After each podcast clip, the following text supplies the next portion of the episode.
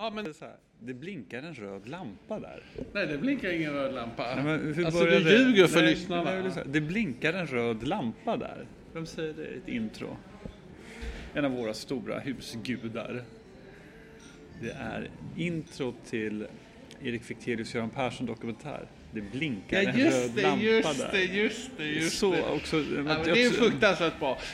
Man har inte glömt bort honom lite nu. Figge, vad fan, vad gör du nu för tiden? Jag har inte glömt på. Jag jobbade med honom sen på Fokus. Jag tror han var eh, inrikespolitisk krönikör och eh, i sitt esse. Jag saknar honom faktiskt lite grann jag tänker på honom. En oerhört uh, mysig kille.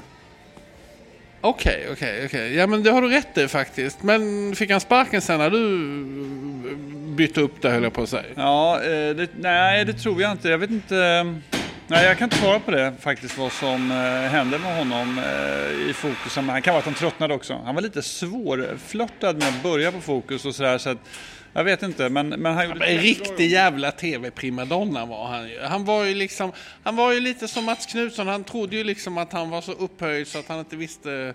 Ja, det var ju liksom, bara för att träffa honom var en ära. Och sen helt plötsligt kom Honken, drog ner honom från hans piedestal och rullade runt honom i smutsen på ett sätt som jag är livrädd för. Ja, men jag tror inte heller att eh, Erik Fichtelius hade ju en otroligt upphöjd position och eh, det, om du jämför med Mats Knutsson, dels så var ju konkurrensen mycket på ett sätt eh, Obefintlig. Ja, fast båda och. Va? Det, det, det fanns ju mer resurser på de politiska eh, redaktionerna då. Men Erik Fichtelius var ju den stora ohotade, o- ohotade stjärnan. Och sen tog väl egentligen KG Bergström över det som ju inte alls höll samma nivå. Ja, men KG Bergström, han var ju liksom... Alltså det här är så jävla tråkigt ämne. Vi får komma på något bättre. Jag har en idé som jag vill prata med dig om. Jag tror att Andre Walden är en AI-klon. Men innan jag berättar... Alltså pratar vi inte tillräckligt mycket skit om honom förra? Vi var lite tidigare i vår kritik av honom, men nu är det ju uppdämt. Ja, Okej, kör på med honom. Ja, men eh, precis. Eh, jag, Du har lite till att komma med. men jag, jag har för det första inte uttryckt någon kritik mot honom alls. Men det jag tycker är spännande med en sån som... Kan lyssna på förra podden. Ja.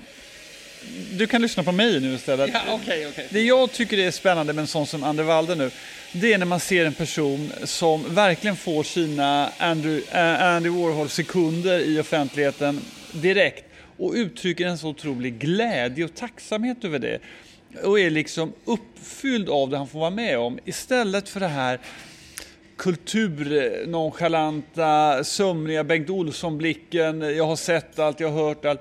Ja, de Walden är som en gullig cocker spaniel-valp som får springa runt, titta på mig. Jag tycker det är underbart. Jag har inte sett en människa vara så glad i offentligheten sen Maud Olofsson blev nominerad till Centerpartiets partiledare. Hon bara skrattade sig igenom alltihop. Allt var kul för Maud Olofsson då.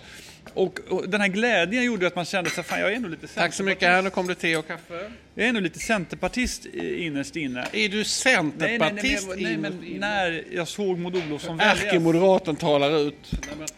Det är jag verkligen inte. Och jag tycker det tycker jag man missar med Andervalden nu. Så här, att det är härligt att se någon som får ett pris som blir... Blev Ia Genberg glad när hon eh, vann Augustpriset för detaljerna? Det blev hon säkert uttryckte någon större glädje. Det kan inte jag minnas att hon gjorde, att hon jublade runt. Andervalden jublar runt i offentligheten och jag tror att alla älskar att se honom så här glad. Okej, okej, okej. Ja, men eh, jag tycker det känns positivt också för honom. Eh, jag är lite, känner att hans eh, 15 minutes of intense fame är lite på väg att ta över nu, eller gå, gå bort här lite grann. Eh, de- Jag tror ju, det intressanta med honom är om han blir en Åsa Linderborg. Alltså en som hade en roman inom sig och sen, sen var det liksom inte mer. Det är ju lite, Det är intressant i jämförelse med just Åsa Linderborg eftersom bägge två baseras på deras men precis, de uppväxter. Eh, Åsa Linderborg har inte skrivit, hon skrivit Nej, men hon har inte... Det, Hon alltså, skrev, som, eh, som, som författare betraktat hade, verkar hon fram till nu ha haft en roman inom Just, hon har sig. inte skrivit något efter... Nej, alltså hon har inte skrivit något som kan mäta sig med, med den här boken om hennes pappa. Och ja, Andre han har inte hunnit skriva så mycket, men nu, nu börjar den riktiga ångesten. Eh, alltså så, skriv bok nummer två. Det har ju du klarat av. Jag, jag, jag, jag, jag menar alltså så, du har ju skrivit en massa böcker. Jag tänkte på det, jag måste bara... Det stod i fokus att din, din bok var postmodern. Eh, jag har inte, det känns som att eh, postmodernismen, jag tror den dog när Lars Nittve slutade hålla på med konst och började åka skidor istället. Vad är din syn på postmodernism? Vet du vad postmodernism är överhuvudtaget eller? Åh gud, jag älskar när vi hamnar i den här relationen. Det här är det mysigaste när du ska vara pappa och jag ska vara sonen. Nej, berätta, kan inte du berätta vad postmodernismen är? Jo men postmodernismen, det har ju Lars Nittve förklarat för mig redan eh, 94 det är att man eh, började se relativt på olika saker och ting. Det fanns liksom inga upphöjda genier, det fanns inga sanningar som inte en konstnär som till exempel Sherry Levine, om någon minns henne, eller Alan McCollum kunde plocka ner eller dekonstruera. Man, man började ifrågasätta och konsten blev ett intellektuellt projekt. Och konsten var så avancerad så att det behövdes en curator av då Lars Nittve typ eller fan hette han, Kasper König? De, och Daniel Birnbaum också lite grann. De, de, de blev genierna som förklarade konsten i det postmodernistiska projektet. Men hur har detta med din bok att göra? Det, det är jättespännande. Jag tänker inte skita ner de här tjusiga begreppen med min simpla roman Fyra på det sättet. Ja, men alltså, det är ju det som är grejen. Den, den innehåller, din, din bok, precis som den postmodernistiska konsten, innehöll den liksom hemligheter som behövde dekonstrueras och förklaras och skrivas. Alltså, böckerna om din bok eh, kommer ju... Jag har inte fattat vad min bok handlar om. Det är därför... Okej, okay, jag fattar nu, förstår nu ställer den frågan. Vet du vad? Läs om den igen lite långsammare så kommer du förstå, för det finns ju den är ju lite grann som en... Eh, Postmodern konstverk. Nej, den är lite grann som en eh, modell du måste bygga om själv. Men då måste du först inse att det är en modell, förstå hur du ska bygga om den och sen så se den. Men jag tror om du gör det så kommer du förstå vad de menar. Sen och, är det ett, en lek med ord också. Både i boken och i recensionen. Alltså, kära tittare, eh, lyssnare. jag önskar att vi hade tittare, för den blicken när du tittar på mig här, eh, den här liksom mästrande, överlägsna, eh, jag tittar ner på den dumme gubben, den, den är ofattbar. Alltså. Men det, kan du säga så? Du, ska jag då, jag då... Eh... Jag ska bara säga kort, får jag säga om Andervalden kort bara? Andervalden är ett eh, litterärt experiment där man har tagit fyra eventuellt... Så långt från postmodernismen man kan komma? Det får man säga. Men där man har tagit fyra eller fem personer och klonat. Det har varit ett experiment som har pågått i flera år på, på eh, Albert Bonniers förlag. Men då har man samlat in DNA-trådar från fyra, fem eh, litterära män för att klona Andervalden som har då både det perfekta roman eh, nej förlåt, romanförfattarutseendet och sättet. Och vilka personer har man på Albert Bonniers förlag eh, fått samma? Jag kan säga... Du kan Han säga, tittar i sin telefon nu här på sin spaning.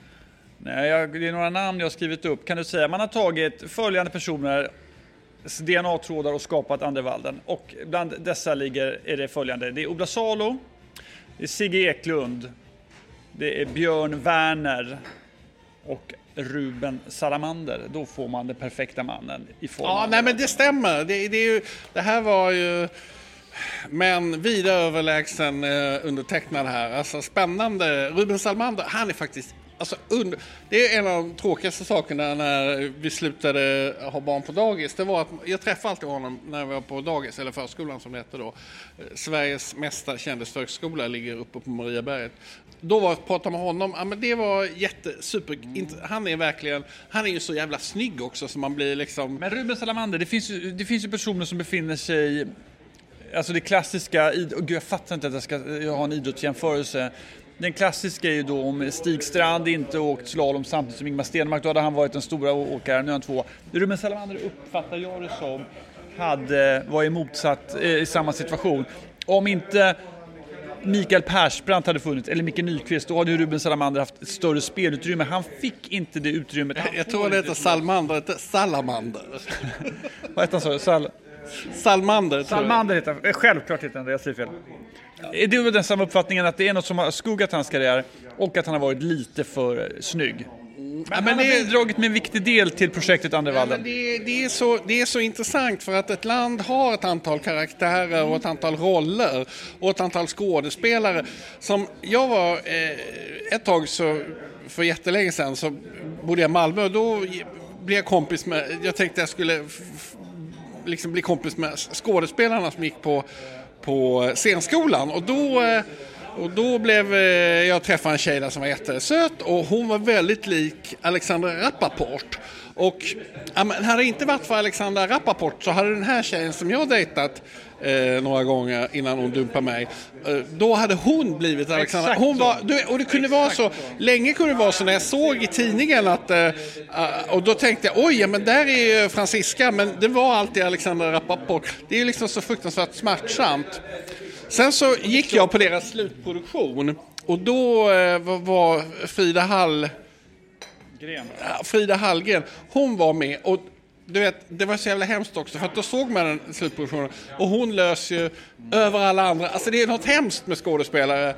Det är som fotbollsspelare, man vet att Zlatan är den bästa fotbollsspelaren men man kan inte förklara varför Frida var den bästa skådespelaren. Nej, men men hon, hade, hon, hon, hon kunde liksom sparka in bollen i vårt medvetande på ett sätt som inga av de andra klarade. Det och det är en kombination mellan utseende och eh, talang. Utseendet är ju så fruktansvärt viktigt för skådespelare.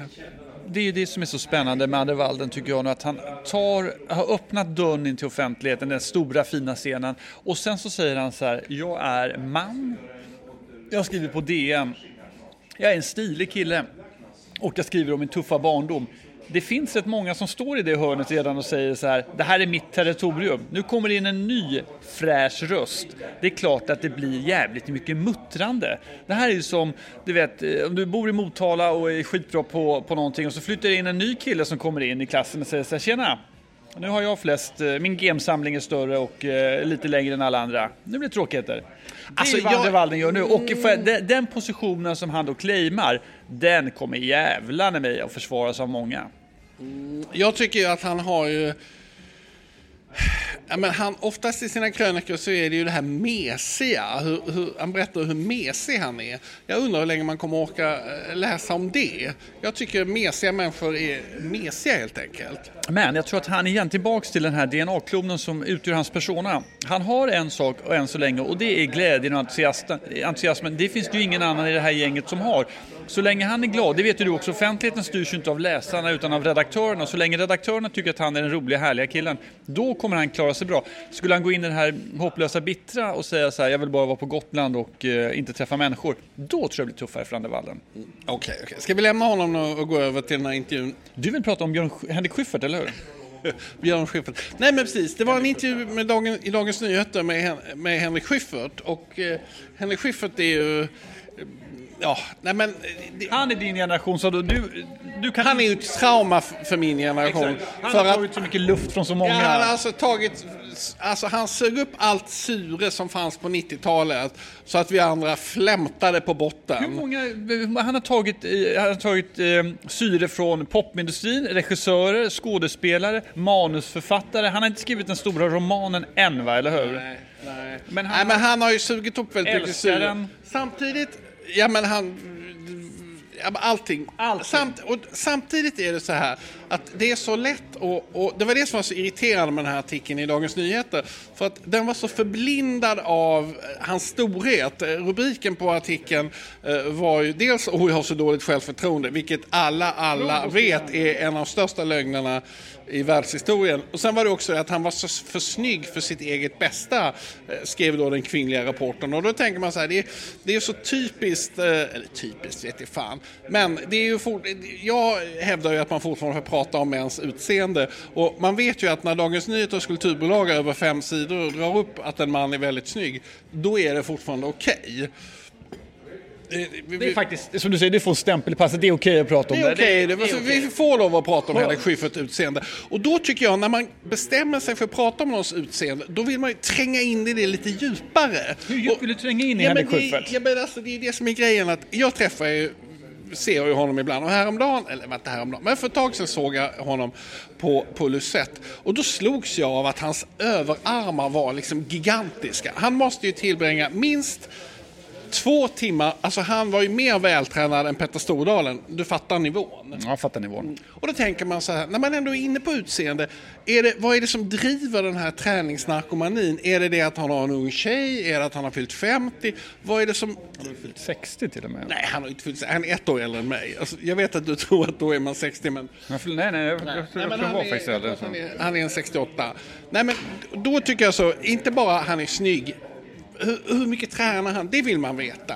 Är det liksom eh, frun som, den unga nya frun som hetsar honom Det är till väl heller inte, de är väl, vilket också är intressant, de är väl särbos va, eller hur? Jag tror Nej, jag tror att det var... Jag det är nej, som, jag tror... eh, Hon bo, de bor ju i huset bredvid Guldhuset. det blir Jens Assers hus. Jaha, det är bredvid, just det. Bredvid där. Och när man är uppe på taket eh, på Guldhuset eh, på den här konstutställningen, kan man titta in i hans och i eh, Fredrik Lindströms lägenhet. Det är kändisspotting så det räcker och blir över. Ja, det är det. Ska Jens Assus sälja sin eh, famösa grossande villa i Åre, Duved? Jag vet ingenting om detta Nej, överhuvudtaget. det, vet du varför jag frågar? Nej. Ett, ett, två uppslag vill jag minnas i The Weekend förra fredagen och det är alltid indikation på att ett hus ska säljas när folk helt plötsligt börjar eh, be att andra ska skriva artiklar om det. Var, det, eh, var hans hus med i tidningen? Ja, ja visst, absolut. Det är tydligen något av Stenbecks gamla eh, skidvillor. Fjällhus. Ja, okej. Okej. Men Eh, nota bene, kolla Hemnet. Nej, nej, men sen tänker jag också Schyffert i den här artikeln.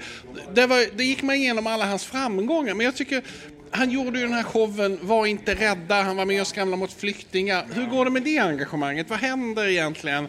Och hur ser han på det nu idag i efterhand? Det skulle jag vilja veta. Så jag tänker, Skulle vilja, om man går till snäppet allvarligare så hörde jag en intervju med Henrik Schyffert där han berättade att eh, han blev utsatt för så fruktansvärt mycket hot att han eh, var tvungen att sluta med det. Och jag tror till och med att han sa det i den här intervjun, som jag vill minnas spelades in på Renés brygga i eh, TV4, att de fick, hatarna fick vinna den här gången.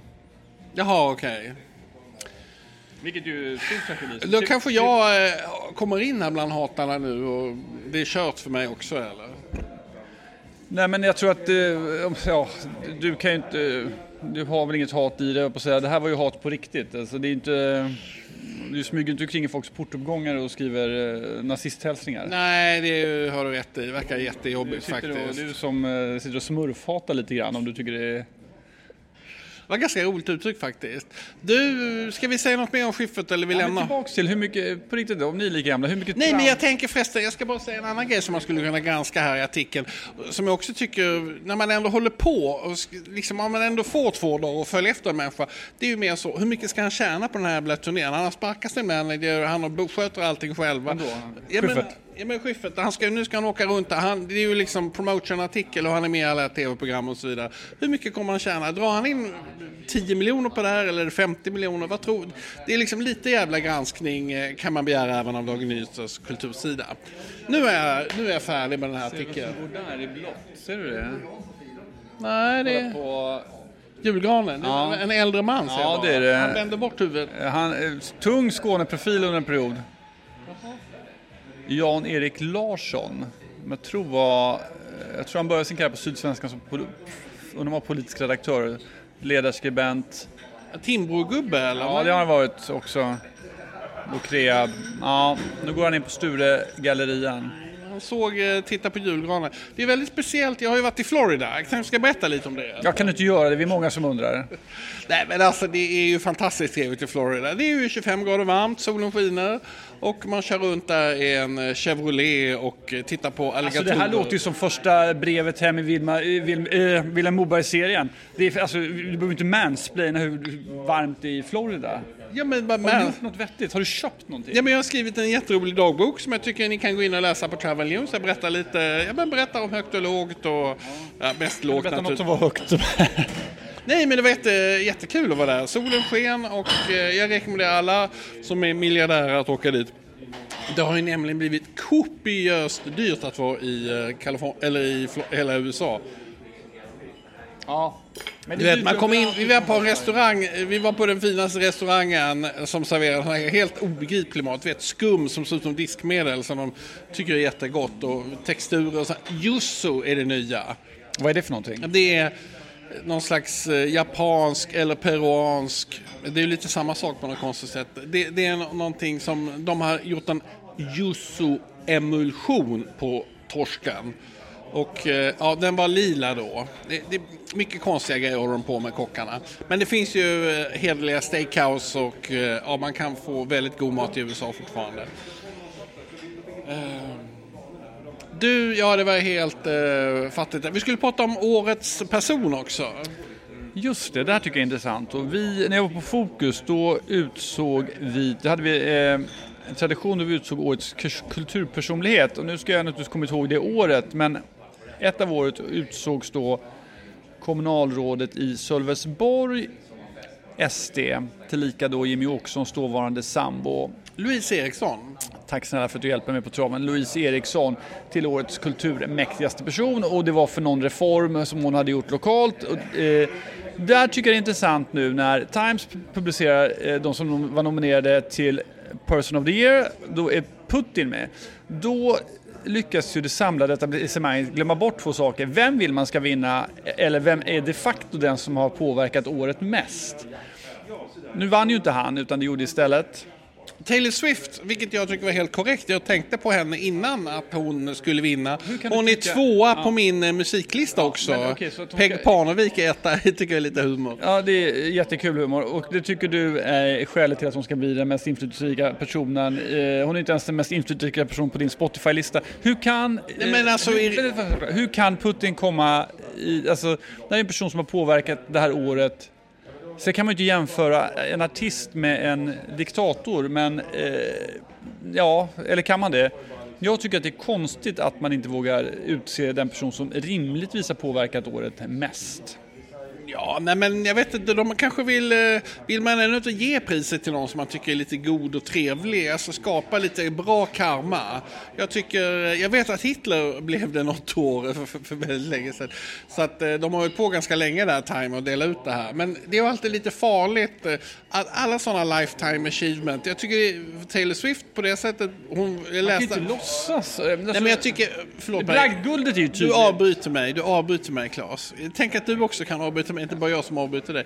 Jag ska bara säga att... Du har mage och säga att... På, att Okej, men förlåt, säg nu. nu Nej men jag tycker, jag är lite orolig för Taylor Swift för att eh, hon är ju bara 34 år. Alla sådana här priser är ju lite, det som vi pratade om förra gången när jag fick det där Kristina Jutterström-priset, journalistpriset. Det är ju när man får sådana här lifetime achievement. Sen är det ju liksom, vill inte folk se men... of the year, det vill säga vilken person det här året. Det, det är ju inte, det är inte, det är inte 2000-talets viktigaste person. Nej, men om du tar Greta Thunberg, hon blev ju... Hon, det, det var ju efter det som hon kom upp på toppen. Sen har det ju bara gått ut för, för henne. Nu är det ju liksom... Simen Wiesenthal-centret har gjort något form av fördömande av Greta Thunbergs uttalande. Jag har inte läst det i något etablerad eh, media. Varför då? Jag vet inte. Du, Har du, det är det här Twitter, känner du till det? Jo, men nu, eh, ja, X heter det numera. Nej men alltså jag, det är ju där eh, alla konspirationsteoriers moder utgår från Twitter. Så det här har du väl läst på Twitter? Det här, jag har inte Twitter. Det här är en normal eh, nyhetsbedömning som jag frågar dig om. Eh, vad ser du som inte jag ser? Du, du tycker det är rimligt? Jag är lite förvånad över Nej det. men alltså rimligt. Jag, kan, Nej, men jag trodde jag, att det skulle vara så här, det här kan det bli bråk kring en diskussion. Varför har det inte blivit det för? nej, men jag tror, eh, alltså Greta Thunberg, hennes... Jag försöker att forma ord till meningar nu. Varför har har man inte skrivit om det här i etablerade medier? De fyra stora. Varför då? Jag kan inte svara för Peter Wolodarski och de andras eh, aktiviteter. Jag har ju varit i Florida som du kanske vet och eh, mina möjligheter att påverka eh, medieklimatet i Sverige är ju ganska begränsat. Även här, hemma, men från Florida är det ännu svårare. Så att, du, jag, jag måste tyvärr meddela att jag är väldigt jetlaggad så att jag skulle föreslå att vi avrundar nu här. Det ringer någon till dig här. Jättespännande och en jätteviktig person. Nu går han iväg här och lämnar mig alldeles ensam här med notan. Ni vet hur det är.